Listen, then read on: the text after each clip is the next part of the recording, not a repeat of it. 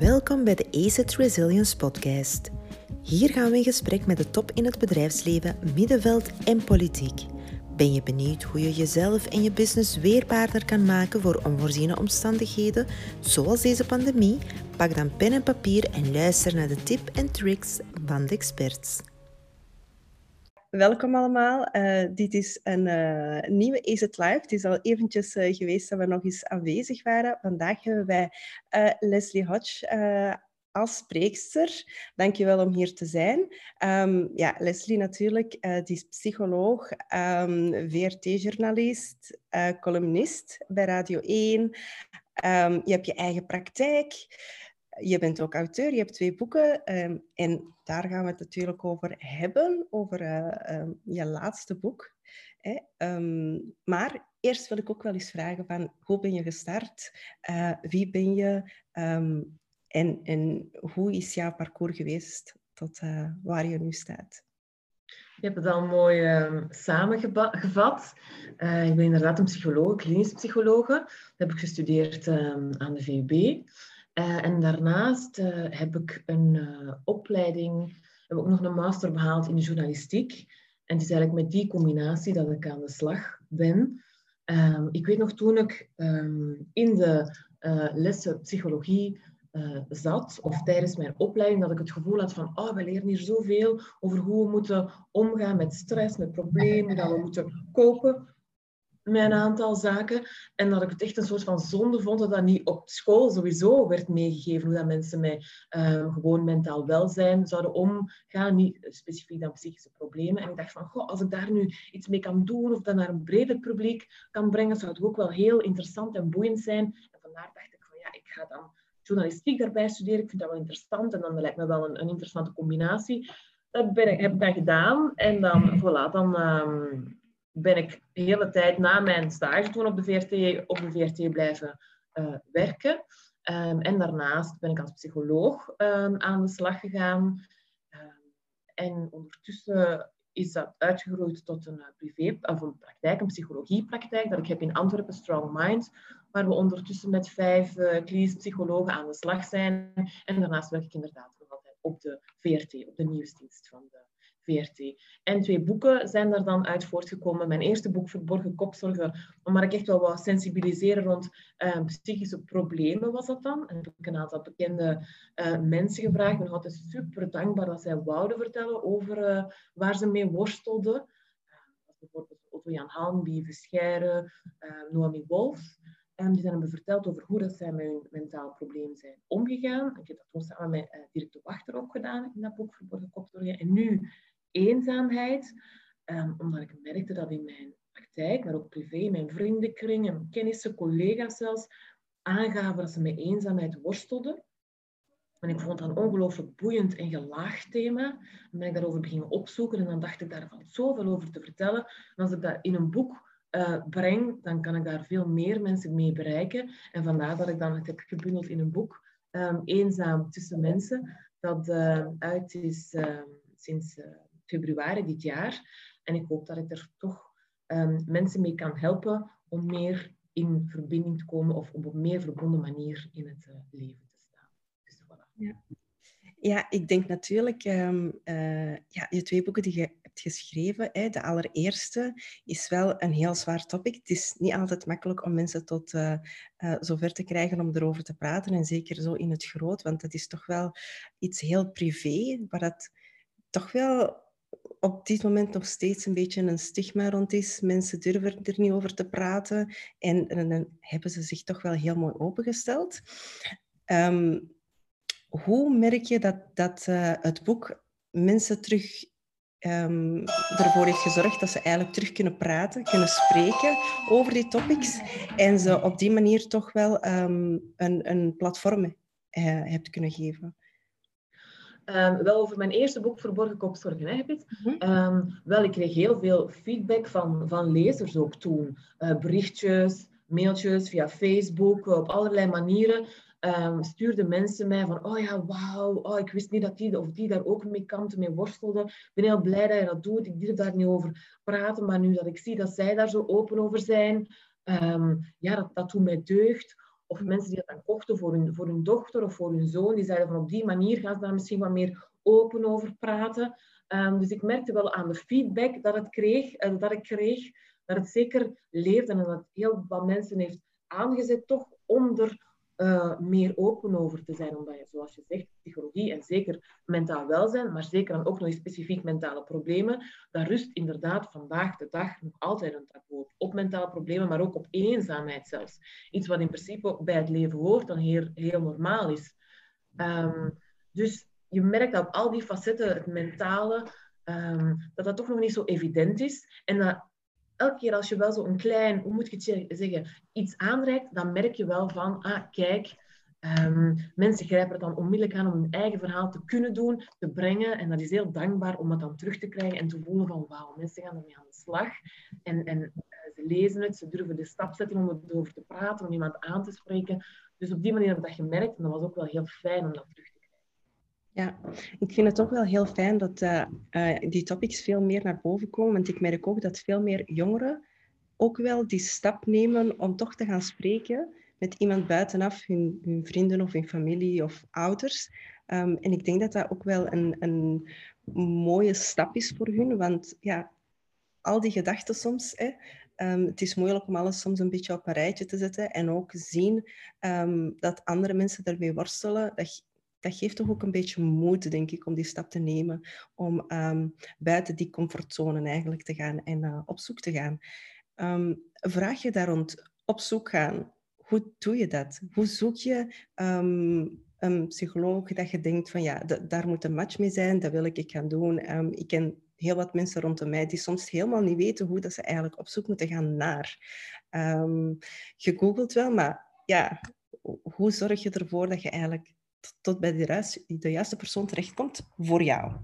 Ja, nee, dat is um, een zeer goede vraag, want dat is inderdaad niet evident en is sowieso inderdaad belangrijk als je voelt van oké, ik raak er niet uit op mijn eentje of ik zit er al een hele tijd mee en het lijkt me toch wel eens interessant om te gaan zien wat een professionele hulpverlener uh, voor mij daarin zou kunnen betekenen, dan is het wel belangrijk om die stap te zetten, om die stap te durven zetten en om inderdaad te zien dat je terechtkomt bij iemand um, die, waar een match mee is en die jou effectief kan helpen met jouw probleem.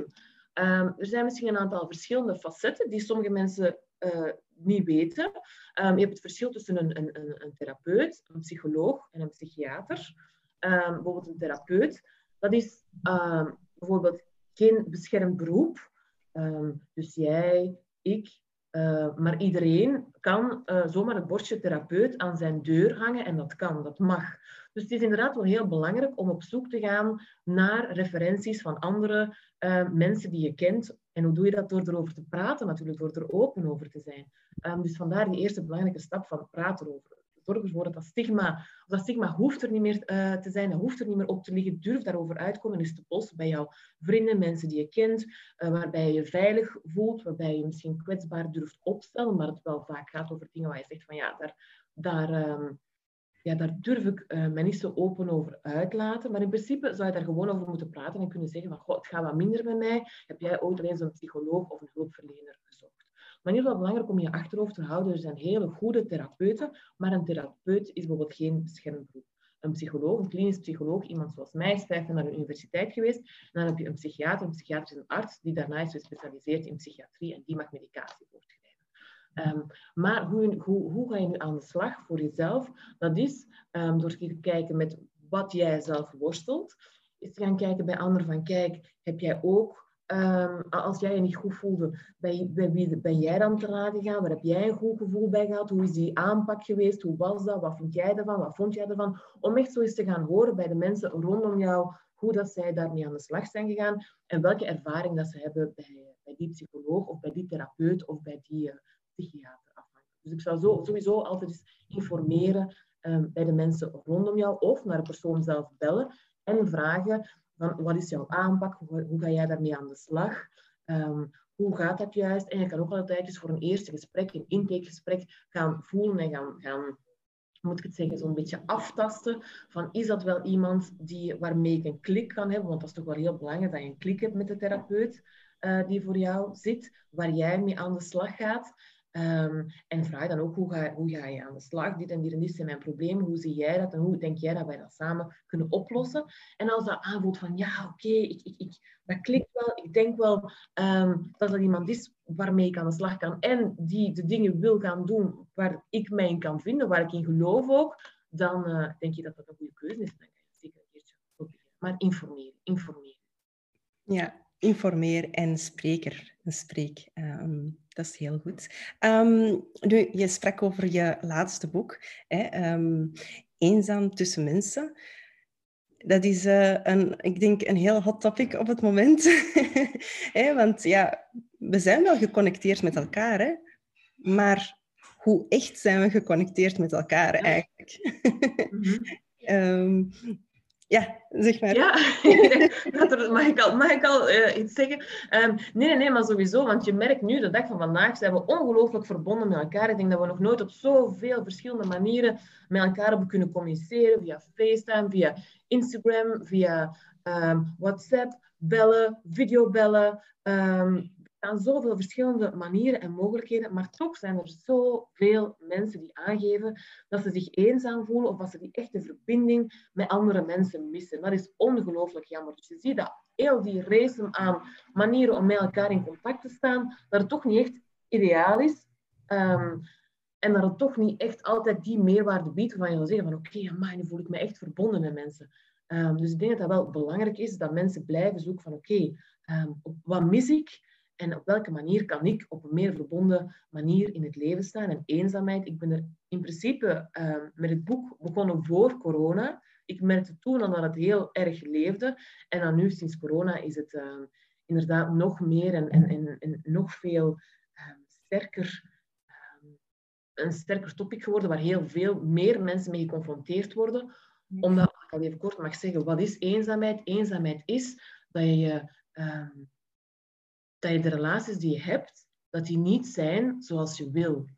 Um, en nu met corona is er een factor dat maakt dat je uiteraard heel beperkt bent in je connecties en in je relaties met anderen, waardoor sowieso heel wat meer mensen daarmee geconfronteerd worden en voelen van oei, ik, ik, kan nu niet in relatie staan of die verbinding hebben met andere mensen um, die ik eigenlijk wel zou willen. Ja, ik vond het ook heel interessant um, dat, dat het er eigenlijk in voorkomt dat je een, eenzaam kan zijn, terwijl je eigenlijk met heel veel mensen rondom jou bent. dus het, het is heel makkelijk om te zeggen, je bent eenzaam omdat je alleen bent. Maar daar gaat het ook niet altijd over. Nee, nee, nee, want er zijn heel veel mensen die alleen zijn, alleen wonen of geen partner hebben, die zich absoluut niet eenzaam voelen. Die zeggen van ja, ik ben single of ik kies hiervoor op deze manier om in het leven te staan en ik voel me daar perfect gelukkig bij. En dan is er ook helemaal geen probleem. Um, het is maar als je um, daar niet voor kiest om in die situatie te zitten. En het bijzondere daaraan is, um, je hebt verschillende soorten van eenzaamheid. Je hebt een hele race uh, aan, aan, verschillende um, varianten, maar de twee voornaamste, en diegene dat ik ook uh, in mijn boek um, heb vermeld, zijn sociale eenzaamheid en emotionele eenzaamheid. En ik zal misschien eerder met een voorbeeld illustreren. Er is een, een getuigenis, in het boek staan ook verschillende getuigenissen. En er is dan een, een, een jonge man die zegt van ja, ik heb zoveel kameraden, heb echt maten op de voetbal, uh, op mijn werk uh, heb, ik, heb, ik, heb ik heel veel kennissen of, of collega's waar ik goed mee overeenkom. Hè. Uh, en vroeger kon ze dan effectief naar de voetbal gaan of na de voetbalmatch samen iets drinken of op café of met de collega's tussendoor um, eens iets gaan drinken. Maar dan zijn maar toch, op het moment dat er zo echt iets met mij is of dat ik echt iets wil delen met iemand of, of hmm. ergens zit, dan heb ik niemand. En dan voel ik mij ongelooflijk eenzaam. Dus je zou zeggen, je zegt dan op Facebook dat hij heel veel vrienden heeft en arm in arm op de voetbal met, met, met um, mensen, met kameraden van hem staat en zie en la. Maar toch miste hij iets. Hij miste dat ene maatje, een boezemvriend of misschien een vriendin, want hij, was ook, uh, hij is ook single. Dus hij miste die ene persoon waar hij echt zijn, um, ja, zijn, zijn, zijn, zijn emotie, wat heel dicht bij hem lag, uh, kon delen. En dat um, is dan iets wat we emotionele eenzaamheid zouden noemen. Maar daarnaast, ik zal opnieuw van getuigenis vertrekken, heb je een man um, die dan vertelt, staat ook in het boek, die is iets ouder, die heeft een uh, gezin, twee kinderen, fijn gezin, fantastische vrouw, zegt hij, dat klikt heel goed. Um, en ze hebben al hun tijd in hun zaak gestoken. Een hele fijne, succesvolle zaak die goed werkt, die goed functioneert. Dochters um, doen het goed op school. Ik denk dat ze al ik denk, uh, midden, allee, dat het pubers waren. En zeiden van ja, fantastisch dochters, fantastisch gezin. Maar nu um, dat het iets rustiger wordt op zijn, op zijn job, dat het allemaal zo wat iets meer um, moet ik zeggen, in handen hebben, of dat het allemaal iets beter loopt, zegt hij van ja, dan kom ik zaterdag thuis en ik heb niemand om, om, om mee te gaan fietsen, of ik heb niemand anders om zo iets mee te doen buiten mijn gezin, of mijn verjaardagen. Ik krijg van niemand een kaartje, ik word, ik word ook nergens uitgenodigd. Hij zei van mijn gezin is fantastisch en ik kan alles delen met mijn vrouw, maar ik mis wel zo een grotere groep of kameraden waar ik iets mee ga doen, of een groep waar ik zo kan toe behoren. En dat is dan eerder wat we sociale eenzaamheid noemen.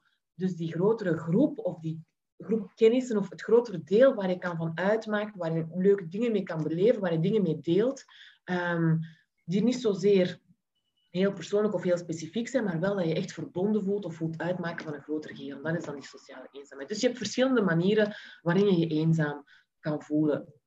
Ja, ja en dan is het wel natuurlijk... Allez, ik denk dat heel veel mensen zich daar wel, uh, wel zo een beetje ja, meevoelen eigenlijk met, met die topic. Zelfs ik zou ermee kunnen voelen. Met momenten in tijd, in tijd natuurlijk. Dat is niet altijd. Hè. Je hebt die momenten waar je, je misschien iets meer eenzamer voelt en op andere momenten juist compleet niet.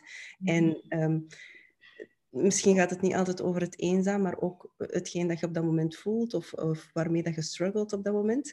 Ehm, maar ja, als je er dan eindelijk bij stilstaat van oké, dit is een probleem. Hoe vind je de weg om daar tussenuit te stappen? Want ja, je weet dat je meer vrienden wilt, je wilt meer openstaan, je, je wilt.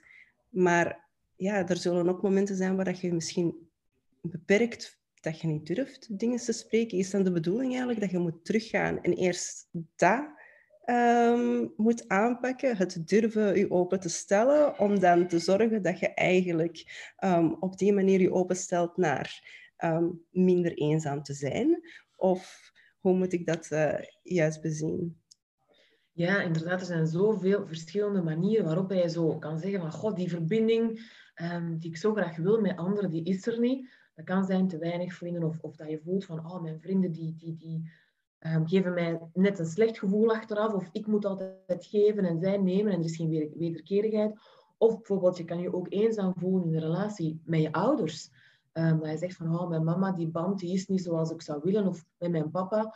Um, je hebt zoveel verschillende... Of zelfs, wat ik ook nog uh, een belangrijk punt vind in een relatie. Er zijn ook effectief mensen die in een relatie zitten, die zich daarin eenzaam voelen. En misschien is het dan dat, dat je die, die verbondenheid met je, met je partner niet voelt. Of op, op een bepaald moment. Of dat het er is ingeslopen. Of je kan je op ongelooflijk veel verschillende manieren um, eenzaam voelen. En het ding is dat er altijd een negatief um, een, een, vervelend gevoel is. Een gevoel van, ik ben hier alleen, of niemand ziet mij graag, of um, ja, hoe, hoe, hoe kan ik dat nu weer op mijn eentje oplossen? Um, dus hele negatieve, vervelende, lastige gevoelens. Oh, ik ga dat hier stil zetten.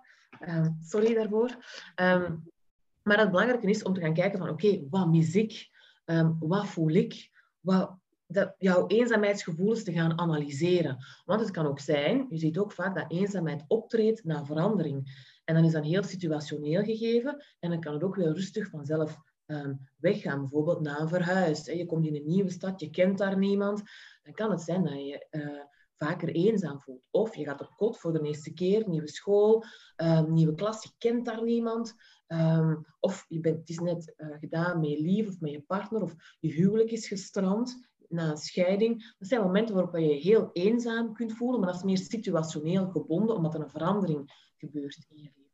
En als je dan voelt van oké, ik raak daar niet alleen uit, um, ik blijf daarin zitten, dan is het wel interessant om hulp daarvoor te gaan zoeken en te gaan kijken van oké, hoe kan ik daarmee aan de slag gaan? Want eenzaamheid komt in ieder zijn leven voor en is in eerste instantie een Het wordt pas een probleem of problematisch of iets wat je echt moet aanpakken als je daarin blijft zitten. En dan heeft het ook consequenties voor je gezondheid. Ehm, dus ten eerste ga die gevoelens analyseren van wat is dat? Wat mis ik? Um, wat, wat, is dat juist? Ehm, en is dat bijvoorbeeld dat je merkt van, goh, ik ben misschien iets minder sociaal vaardig of ik ben misschien wat minder introvert, dan kan je daar zelfs cursussen voor gaan volgen. En er zijn, ehm, als je naar de onderzoeken kijkt, hele mooie uitkomsten bij mensen die dan zeggen van, hey, volg dan een uh, sociaal vaardigheidscursus om daarmee aan de slag te gaan. En dan is dat ook weer een heel interessante uitkomst. Maar vooral die gevoelens gaan analyseren, wat muziek, en dan stapje per stapje gaan zien van oké, lukt dat mijzelf om uit mijn comfortzone te komen en die stappen te zetten naar uh, meeverbinding, of om misschien een confronterend gesprek aan te gaan en te zeggen tegen um, die persoon, je partner, je, je goede vriend, um, een, een familielid, um, iemand die je, waarmee je die relatie hebt, waarvan je zegt van oké, dat zit toch niet goed, om daar dan uh, mee aan de slag te gaan en te zorgen dat dat verandering komt. dus neem dat bij jezelf, ga je daarvoor uh, langs bij een hulpverlener? Is dat situationeel? Zeg je, um, het, het, het, is omdat, er, uh, omdat ik misschien wat minder sociaal vaardig ben. Dus in mijn boek staat een hele race handvaten en manieren om daarmee aan de slag te gaan. Maar het is zo belangrijk om terug te gaan naar wat zit daar voor jou specifiek achter? Ja. Eenzaam Ja. Um, zoals je zegt, het is, het is een gevoel. Ik denk dat het... Ik denk... Allez, ik ben niet zeker, maar mijn gevoel zegt dat uh, jongeren er op een veel jongere leeftijd mee bezig zijn. Um, ik denk, ik heb het gevoel dat jongeren op een veel jongere leeftijd beginnen te zoeken van wie ben ik, terwijl dat, dat vroeger pas veel later was of je stond er niet bij stil. Um, en ik denk dat ze er ook op school iets meer mee bezig zijn met die gevoelens en die emoties. En daar ben ik heel blij om. Um, wat zou nog een grote verandering zijn daarin? Want het is natuurlijk iets dat het is gewoonte en het is aanleren. Dus ik denk, hoe jonger dat je, dat je daarmee start, des te beter um, dat je iets, iets meekrijgt voor later. Dat je veel beter kan incasseren naarmate dat je ouder bent. Ja. Maar... ja, je gaat al helemaal mee. Dus. Ja, maar het is effectief zo dat, uh, dat er vaak nog een misvatting is dat eenzaamheid enkel bij oudere mensen kan voorkomen. En dat is absoluut niet het geval. Je ziet dat heel veel jonge mensen, jongeren ook aangeven dat ze zich eenzaam voelen. En dan is het zo belangrijk om daar inderdaad ook in de, in de klas um, op school mee aan de slag te gaan en daarover te vertellen van wat is dat eenzaamheid? Hoe, hoe voel je je dan? Hoe kan je daarmee, aan de, kan je daarmee um, aan de slag gaan? Wat is dat verbinding? Dus het is zeker enorm belangrijk om daarbij stil te staan. En hoe vroeger dat je daarbij stilstaat, hoe beter. Um, in mijn boek heb ik ook een hoofdstuk gewijd aan eenzaamheid en kinderen. En dan zie je ook dat er heel andere signalen zijn. Iemand een puber of, of jongvolwassenen, die kunnen inderdaad duidelijk aangeven, ik, ik voel mij eenzaam. Maar bij uh, jongeren, kinderen, bij kleuters of bij jongere kinderen, bij heel jonge kindjes, zie je van oké, ja, dat is nog niet zo duidelijk om dat aan te geven. Um, als ze misschien het op school niet zo goed kunnen vinden met anderen, of als ze misschien uitgesloten worden of gepest. En dan komen er andere signalen um, naar boven. Dus het is heel belangrijk om daar ook al heel vroeg um, oog voor te hebben en dat heel vroeg al te bestempelen en te zeggen van ja, heb je een vriendje, heb je geen vriendje, hoe gaat het op school, hoe voel je je bij anderen? Um, en om daar dan mee aan de slag te gaan en opnieuw dat op te lossen. Want je ziet, als je dat al van jongs af aan meeneemt, dat de kans ook veel groter is dat je eenzaamheid meeneemt um, in je later leeftijd, uh, op later leeftijd. Bijvoorbeeld als je gepest wordt, je, je, je bent je uitgesloten, je voelt je daar eenzaam door, dan zie je dat dat ook wel um, dat de kans groter is dat je dat um, later in je later leven hebt. Dus het is heel belangrijk om daar van kind af aan um, over te praten op scholen, om daarmee aan de slag te gaan en ook om dat, daarmee te gaan werken en te zien dat dat niet blijft hangen. Eenzaamheid, iedereen kent die gevoelens. Als dat is met je lief, je hebt, het is, het is uw, uw, uw, uw beste vriendin of je hebt ruzie met je beste kameraad.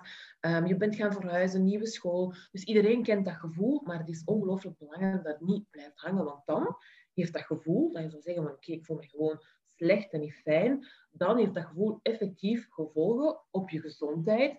Zo erg zelf. Slimme, ongelooflijk slimme koppen en wetenschappers zijn dat gaan um, uitrekenen, gaan zijn dat concreter gaan maken. En het geeft aan dat je langdurig eenzaam voelt, dat dat even ongezond is of je leven even sterk verkort als 15 sigaretten roken per dag. Dus iedereen weet, sigaretten roken is ongezond. 15 sigaretten roken per dag is zeker ongezond. Maar je langdurig eenzaam voelen is even ongezond. Dus het is echt wel belangrijk om daarmee aan de slag te gaan, omdat het effectief consequenties heeft voor je gezondheid. Het is niet zomaar een, moet ik zeggen, random gevoel. Het heeft effectief negatieve consequenties op je gezondheid. Ja, dat mag je naar elke school zeggen. Overal. Want ik denk dat het heel vaak uh, wordt gezien als um, jongeren zijn jong, die kunnen er wel tegen, uh, ze zijn weerbaar, dat komt wel in orde, um, ze, groeien er wel uit. En um, zoals je zegt, als er iets gebeurt hè, en je wordt gepest op een jonge leeftijd, denk ik dat uh, als je er niet bij stilstaat en, je geeft niet aan van je hebt gelijk, dat had niet mogen gebeuren of wat dan ook, sleept dat zich aan voor heel erg lang. En ik denk dat, dat nu pas um, volwassenen zich gewaar aan het maken van wat dat die impact kan zijn, maar nog niet voldoende, vind ik. Maar dat geldt ook voor als je ouder bent. Hè. Er is nog steeds die stigma dat je er niet mag over praten. Of als je erover praat, dan kun je er waarschijnlijk niet tegen. Of als je zegt, ik heb het nu even moeilijk, dan ben je waarschijnlijk te veel werk op jou aan het nemen. Um, je kunt dat waarschijnlijk niet aan. Het is altijd zo negatief iets dat daarachter komt, terwijl het eigenlijk gewoon is van ja, nu kan ik niet, maar nu kan ik dit misschien even niet, of het wordt mij een beetje te veel. Maar ik kan het werk aan. En, en ik, ik kan de dingen die ik ben aan het doen. En, en ik kom er wel door. Maar stilstaan bij wat je voelt, is blijkbaar nog steeds heel moeilijk om te doen. Of te accepteren. Allee, de mensen rondom jou. Ja, het is heel belangrijk om erbij stil te staan. En zoals je zegt, helaas rust er nog altijd een taboe op. Het is zo, in onze maatschappij um, is er heel veel of heel vaak die culpabilisering van het is je eigen schuld, terwijl je daar absoluut niet voor kiest of niet kan aan doen. Net hetzelfde sowieso met mentale, uh, mentaal welzijn, mentale problemen, uh, maar ook met eenzaamheid. En daarom ben ik uh, bijvoorbeeld enorm blij als ik dan ergens in een of ander boekje of magazine lees dat bijvoorbeeld een, een, een superster zoals Lady Gaga dan, die iedereen kent, waarvan mensen zeggen van oh wauw, een Hollywoodster, um, heeft het gemaakt, uh, speelt in films, zingt, uh, mag zingen op de inauguratie van de nieuwe Amerikaanse president Joe Biden. Maar dat ook zij aangeeft van ja, ik heb me met momenten enorm eenzaam gevoeld. Dus eenzaamheid heeft niets te maken met hoe succesvol je bent, hoe populair je bent, hoe geslaagd je bent in het leven of net niet. Dat heeft met hele andere factoren te maken. En ik hoop als mensen dat inzien, dat ze ook al sneller gaan zeggen of gaan toegeven van, oh ja, maar ik voel me niet goed, of ik voel me alleen en ik voel me eenzaam en ik mis verbinding. En dat dat al een eerste opening is naar, uh, naar contact met anderen. En ook, uh, om opnieuw dan naar de jongeren te komen, je hoort heel vaak dat mensen zeggen van, oh, uw studententijd, dat is de beste tijd van uw leven, pak het ervan. En dat is zo. Dat is een hele fijne tijd. Dat is een hele leuke tijd. Maar er gaan ongetwijfeld ook momenten zijn waarop dat je je eenzaam voelt en minder goed voelt en alleen voelt op kot of thuis of tijdens examens of weet ik wanneer. En dat is niet abnormaal. En dat is ook zo belangrijk om dat te vermelden en om dat te zeggen van kijk, je gaat je ook eenzaam voelen en dat hoort erbij. Dat is niet um, dramatisch, je bent daar niet alleen in, dat is zo. Maar belangrijk is wel, als je ermee blijft zitten, als je voelt dat je die connectie met anderen niet meer kan maken, om daar dan mee aan de slag te gaan. Maar je eenzaam is zeker niet uh, abnormaal en het is ook absoluut niet je eigen schuld. Ja, ja inderdaad. Het, um, het horen zeggen nog vooraleer het gebeurt is misschien ook wel een, een manier om, om uh, de, de deur te openen, zodat ze dan ook effectief de stap nemen om uh, op tijd te zeggen van nee, nu gaat het niet of ik weet niet wat ik nu moet doen. Um, ja, ik denk dat, dat vaak de dingen soms te laat worden gezegd. en ja, te laat is te laat voor iets natuurlijk. Hè. Je wilt uh, op voorhand kunnen inspelen, omdat de persoon in kwestie dan ook zelf een beetje kan meedenken en kan meevoelen. En, en um, als ze het gevoel, denk ik dan, hebben dat ze zelf um, de teugels in handen hebben, dan gaat dat misschien iets makkelijker of iets sneller. Of ja, voelen ze zich misschien ook wel iets beter in hun vel, omdat ze het nog steeds allemaal zelf zijn aan het doen. Als het te veel wordt gewezen. Ja, en er bestaan zelfs ook cijfers van, maar dat is dan specifiek over uh, mentale problemen. Dat tussen die, die omzet, de eerste gevoelens van oei, ik voel dat er iets mis is, en dan de effectieve stap om hulp te zoeken, dat daar tien jaar tussen zitten dat uh, Vlamingen en Belgen daar tien jaar over doen. En dan weet je sowieso, die tien jaar, op die manier heeft dat, al, dat probleem zich al meer kunnen worstelen of meer kunnen settelen of meer een, een, bijna een, soort gewoonte kunnen worden in jouw leven, dat het dan veel minder ehm, makkelijk gaat zijn om daarna mee aan de slag te gaan dan wanneer je het sneller had gedaan. Waarmee dat ik niet wil zeggen dat dat wil zeggen dat je er niet mee aan de slag kan gaan of dat je um, niet meer naar, de hulpverlenende stap moet zetten, dat zeker niet. Maar je ziet wel dat daar um, België en, en Vlamingen vooral dat dat best wel een, een tijdje duurt vooraleer ze die stap naar de hulpverlening durven zetten. En dat is zonde dat ze zo lang met een probleem rondlopen. Als je je arm breekt, ga je daar ook niet eerst nog weken, maanden mee rondlopen om dan effectief een stap te zetten uh, naar de arts. Dus doe dat ook niet met een mentaal probleem. Ja. ja, zoals je zegt, het wordt uh, een deel van je DNA hè, als je er zo lang mee rondloopt.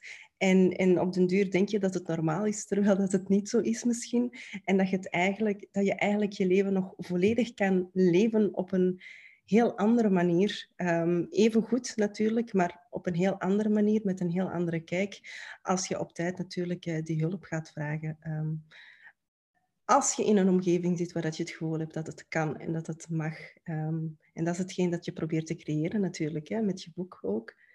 Ja, zeker. Inderdaad, dat er meer wordt over gepraat, dat er mensen er meer bij stilstaan en dat ze weten dat bijvoorbeeld nu specifiek met eenzaamheid, dat het niet zo'n uh, vrijblijvend gevoel is en dat het effectief uh, meer uh, de kans op, op depressie bijvoorbeeld wordt groter, slapeloosheid, hart- en vaatziekten. Dus er wordt een, dus een link met een heel, een heel arsenaal aan, aan minder fijne dingen. Bijvoorbeeld, je wordt zelfs sneller verkouden.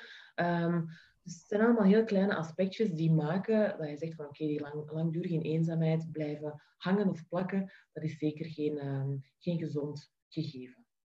Dat is heel grappig dat je zegt, je, je blijft, uh, je wordt zelfs verkouden. Mijn gezin is al drie maanden constant verkouden. Ah ja, oei, oei, oei. Oei, oei. Dat is veel wetenschap toe.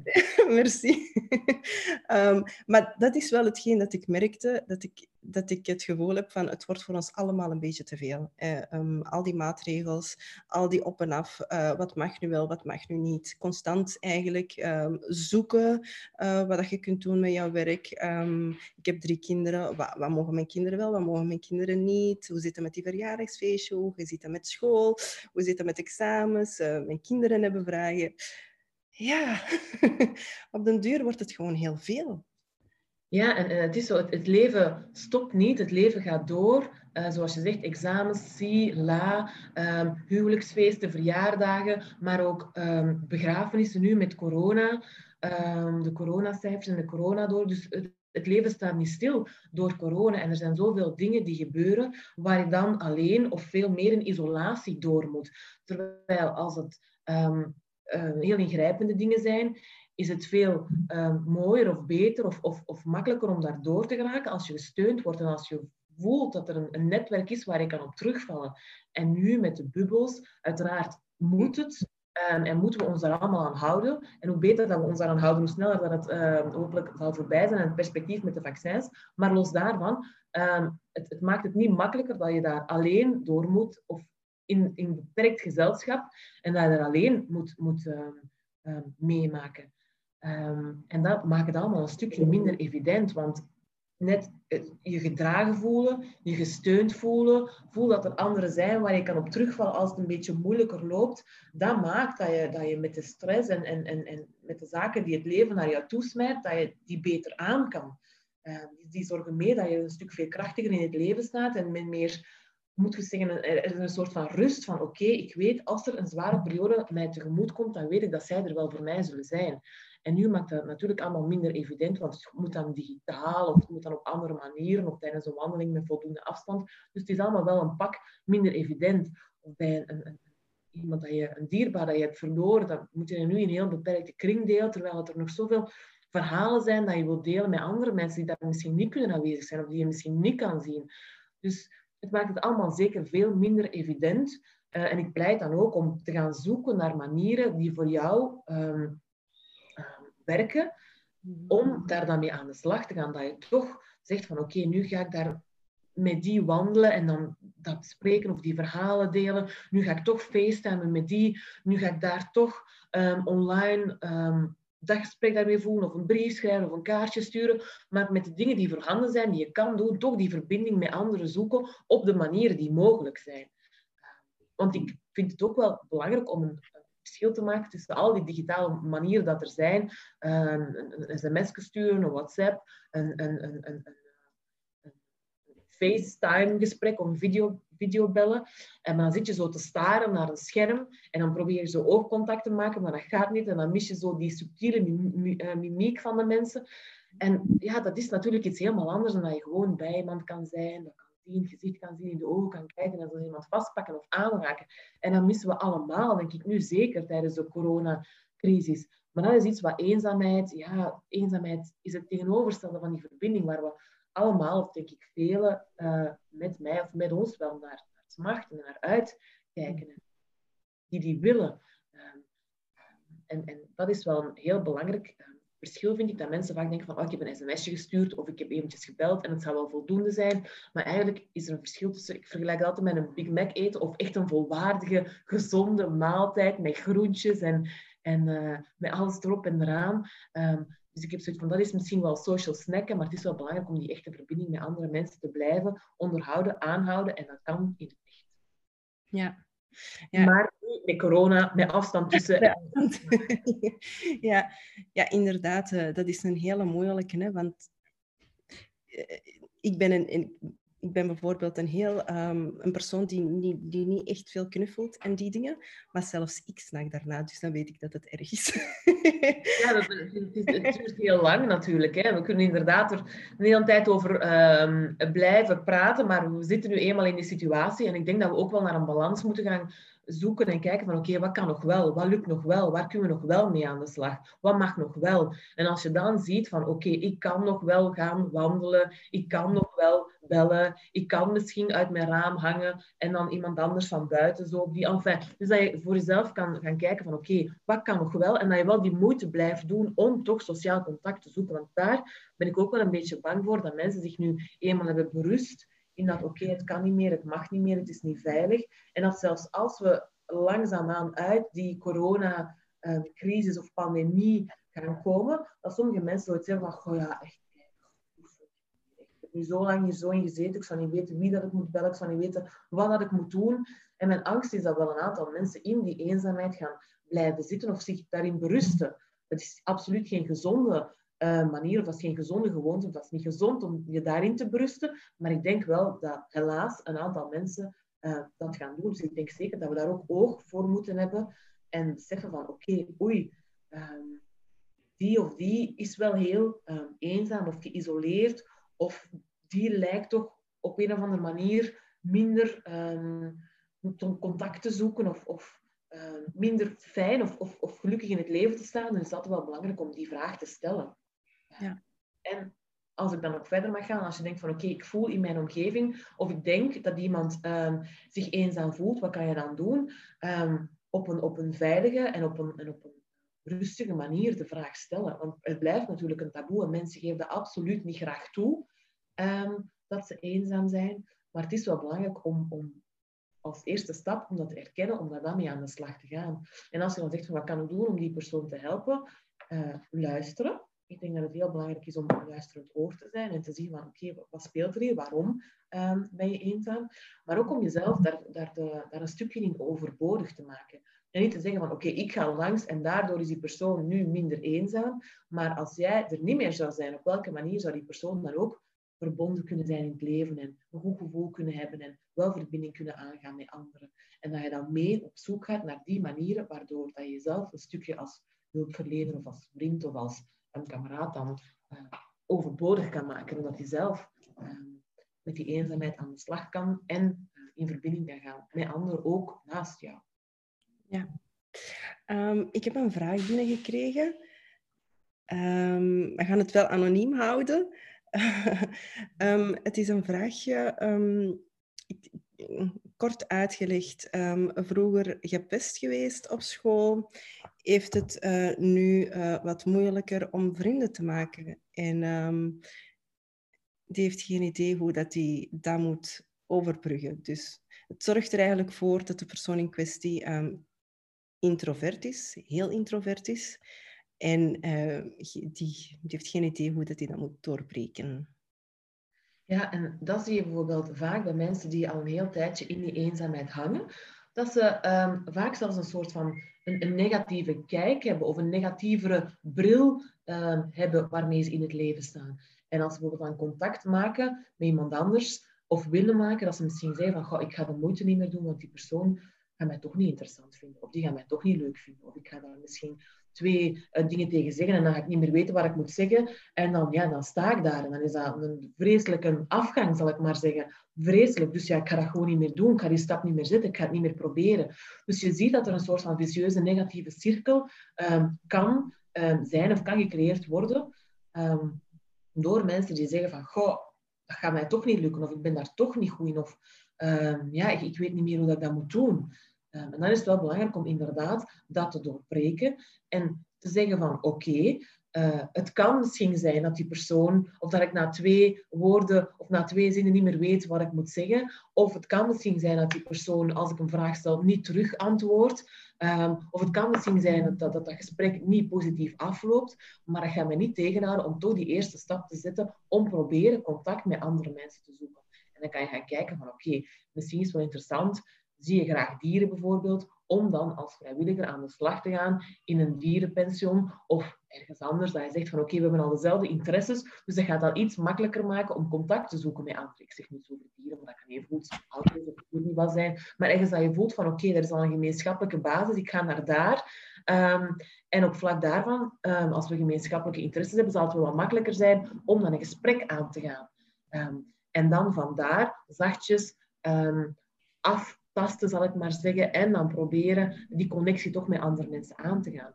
Langs de andere kant, wat ik daarnet al zei, mensen die iets introverter zijn of zeggen van oké, die sociale vaardigheden, ik voel me daar toch niet zo gemakkelijk bij of niet zo goed bij. Je kan ook specifiek cursussen volgen om daarmee aan de slag te gaan. En als dat specifiek het probleem is, levert dat best wel mooie resultaten op. Dus het is echt een, een, een soort van wikken en wegen van oké, hoe uh, ga ik hier mee aan de slag gaan en ga ik dat proberen?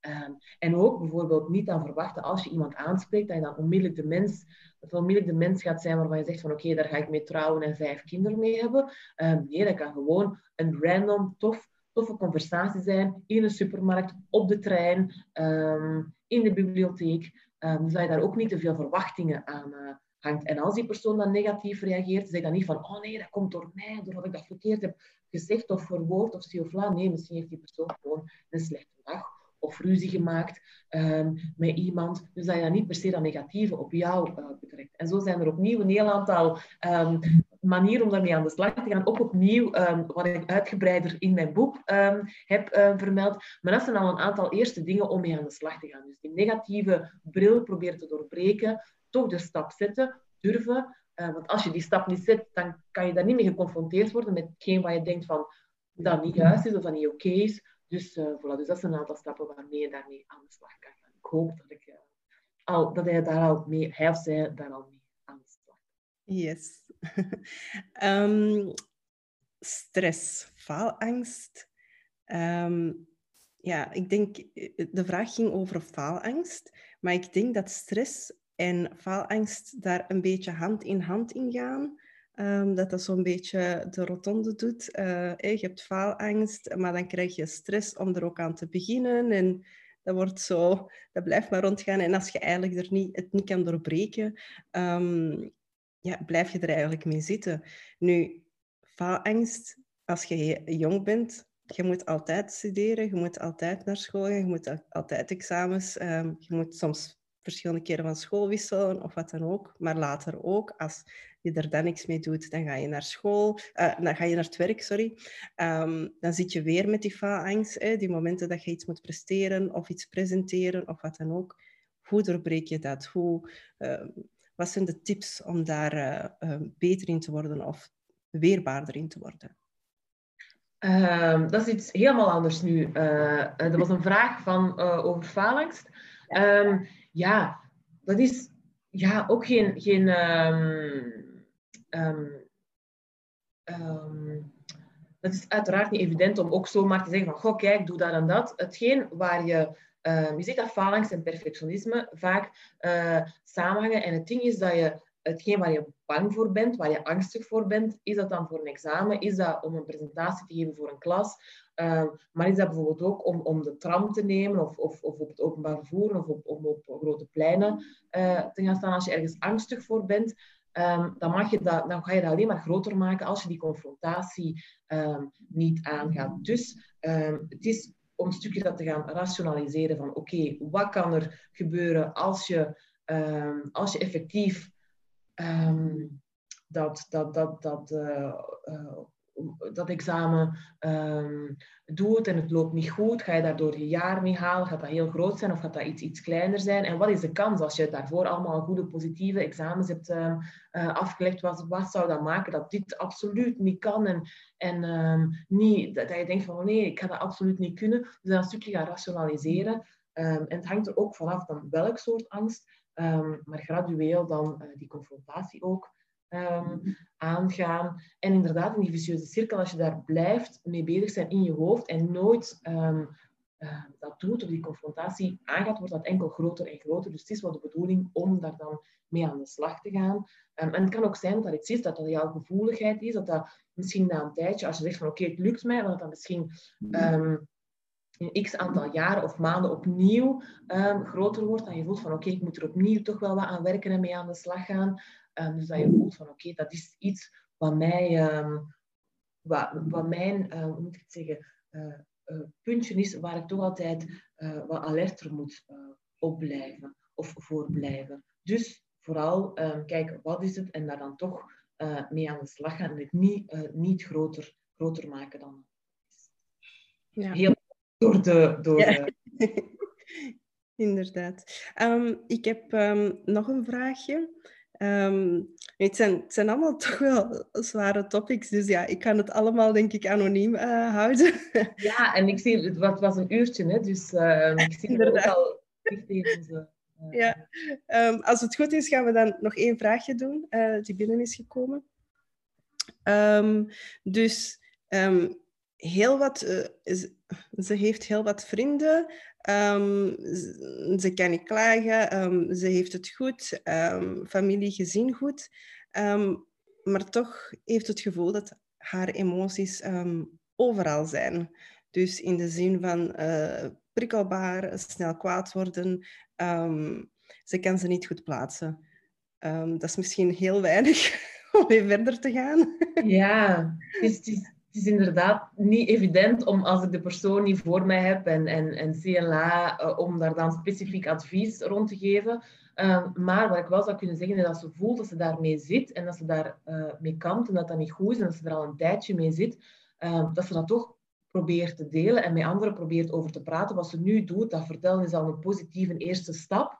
Ehm, maar dan is, kan ze dat misschien delen met mensen rondom haar, in haar, nabijheid. En, en als ze voelt van oké, ik zit daarin vast, om dan toch de stap te zetten naar die professionele hulpverlening. Ik weet niet hoe oud dat ze is. Uh, Theo, onder de 20 jaar, is bijvoorbeeld um, gratis. Uh, als jongere kan je daar uh, naartoe. Je hebt ook heel laagdrempelige hulpverlening, of je kan gewoon naar, een psycholoog of een therapeut um, stappen. Als je het gevoel hebt dat je daar niet alleen uit geraakt, maar misschien kan een, echt een open gesprek uh, met iemand vanuit jouw omgeving al heel wat, uh, al heel wat soelaas bieden. En dat is dan het belangrijke aan die verbinding. Um, dat je merkt van oké, okay, er zit iets niet goed. Misschien is het nu met corona, door de toestand die helemaal um, niet normaal is en die voor iedereen wel voor uitdagingen zorgt. Um, en dan is het zo belangrijk om je toch verbonden te voelen, dat je weet van oké, dat, dat zit niet goed, maar met die en die kan ik daar wel over praten. En die kan mij die, die is een luisterend oor of die kan mij daar misschien uh, een ander kijken of een ander perspectief op geven. Uh, dus vandaar dat die verbinding wel enorm belangrijk is, dat je weet van als het leven iets op jouw pad smijt, dat je weet van oké, ik moet daar niet alleen doorgaan en ik kan daar wel over praten en die anderen aan de slag. En misschien als laatste, wat ik dan nog zeker, of wat ik graag wil meegeven, is als een soort van vriendschapsrugzakje um, door heel je leven opbouwt. Um, en dat je zorgt dat je vrienden hebt van van in de kleuterschool, van op school, van in de hobbyclub, van in de scouts, van later op je werk, van je buur. Dat je voelt als je een heel divers netwerk hebt aan mensen rondom jou die in dat rugzakje zitten, die iets voor jou betekenen en waarvan jij iets voor hen kan betekenen. Dat je weet van oké, als er uh, iets gebeurt um, in het leven, dat je daarop kan, uh, terugvallen en zij ook op jou. En op die manier zo'n hele fijne, uh, betekenisvolle relatie of relaties uh, creëert. En je ziet ook in verschillende onderzoeken, dat ze zeggen hoe diverser uw vriendschapsrugzakje is, hoe meer verschillende leeftijden, soorten mensen dat erin hebt zitten, hoe weerbaarder en hoe gelukkiger dat je zelfs bent. Dus als ik uh, dat mag geven als advies van oké, ga daar op die manier mee aan de slag en dan ga je toekoer wel op een meer verbonden leven, uh, op een meer verbonden manier in het leven staan en, en de dingen die het leven dan naar jou werpt, uh, ja. niet helemaal alleen moeten dragen. Voilà, dat was eigenlijk mijn allerlaatste vraag. Tips? die heb je dus net gezegd, die heb je net meegegeven. Hè? Um, verbinding zoeken bij verschillende leeftijdsgroepen, hè? Uh, zodat je eigenlijk jezelf weerbaarder kunt maken. Um, en, en ook jezelf daarin een stukje kwetsbaar in durven opstellen, omdat als je echt toont wie je bent, dan kan je echt verbinding zoeken met mensen die jou echt zien zoals je bent en andersom. En dan kan je echt zo tot de mooiste, fijnste um, gesprekken en, relaties komen. Dat je echt zo hebt van, oh, dat is nu zo'n fijne mens, of dat was zo'n fijn gesprek, of wat heeft mij zo'n deugd gedaan. En ja, voor die momenten doet je dat. Dat zijn de dingen die je bijblijven heel leven lang. De, de fijne dingen die je kunt delen, de gesprekken, de ervaringen met andere mensen, die verbinding in het leven. Ehm, dus dat zou ik zeker uh, inderdaad als, belangrijke uh, tip geven. Als, dan, als er al typen zijn rond eenzaamheid, maar toch een handvat waarin misschien iets er eens mee kan zijn. Dankjewel Leslie om tijd te maken om over dit topic te spreken en het uh, terug uh, een duwtje in de rug te geven, terug een beetje um, naar boven te brengen en op die manier toch wel um, anderen mee erin bij betrekken, um, zich beter te voelen en uh, die verbondenheid te zoeken. Nee, graag gedaan. als mensen nog iets hebben van ik wil daar meer over praten of weten of zo, mail mij. Of als ze een exemplaar van mijn boek willen, mogen ze mij ook altijd een mailtje sturen. of hashtag eenzaam tussen mensen vertel, deel, doe maar um, alles over eenzaamheid. Hoe meer dat we erover praten, denk ik, hoe meer verbonden dat we daar uiteindelijk uh, in het leven zullen staan. Yes, dat doen we zeker. Zeker en vast. Alvast bedankt. En uh, hopelijk tot gauw, buiten coronatijden. yes. Fijne avond. Fijne avond. En dank je wel om mij uit te nodigen. Graag gedaan.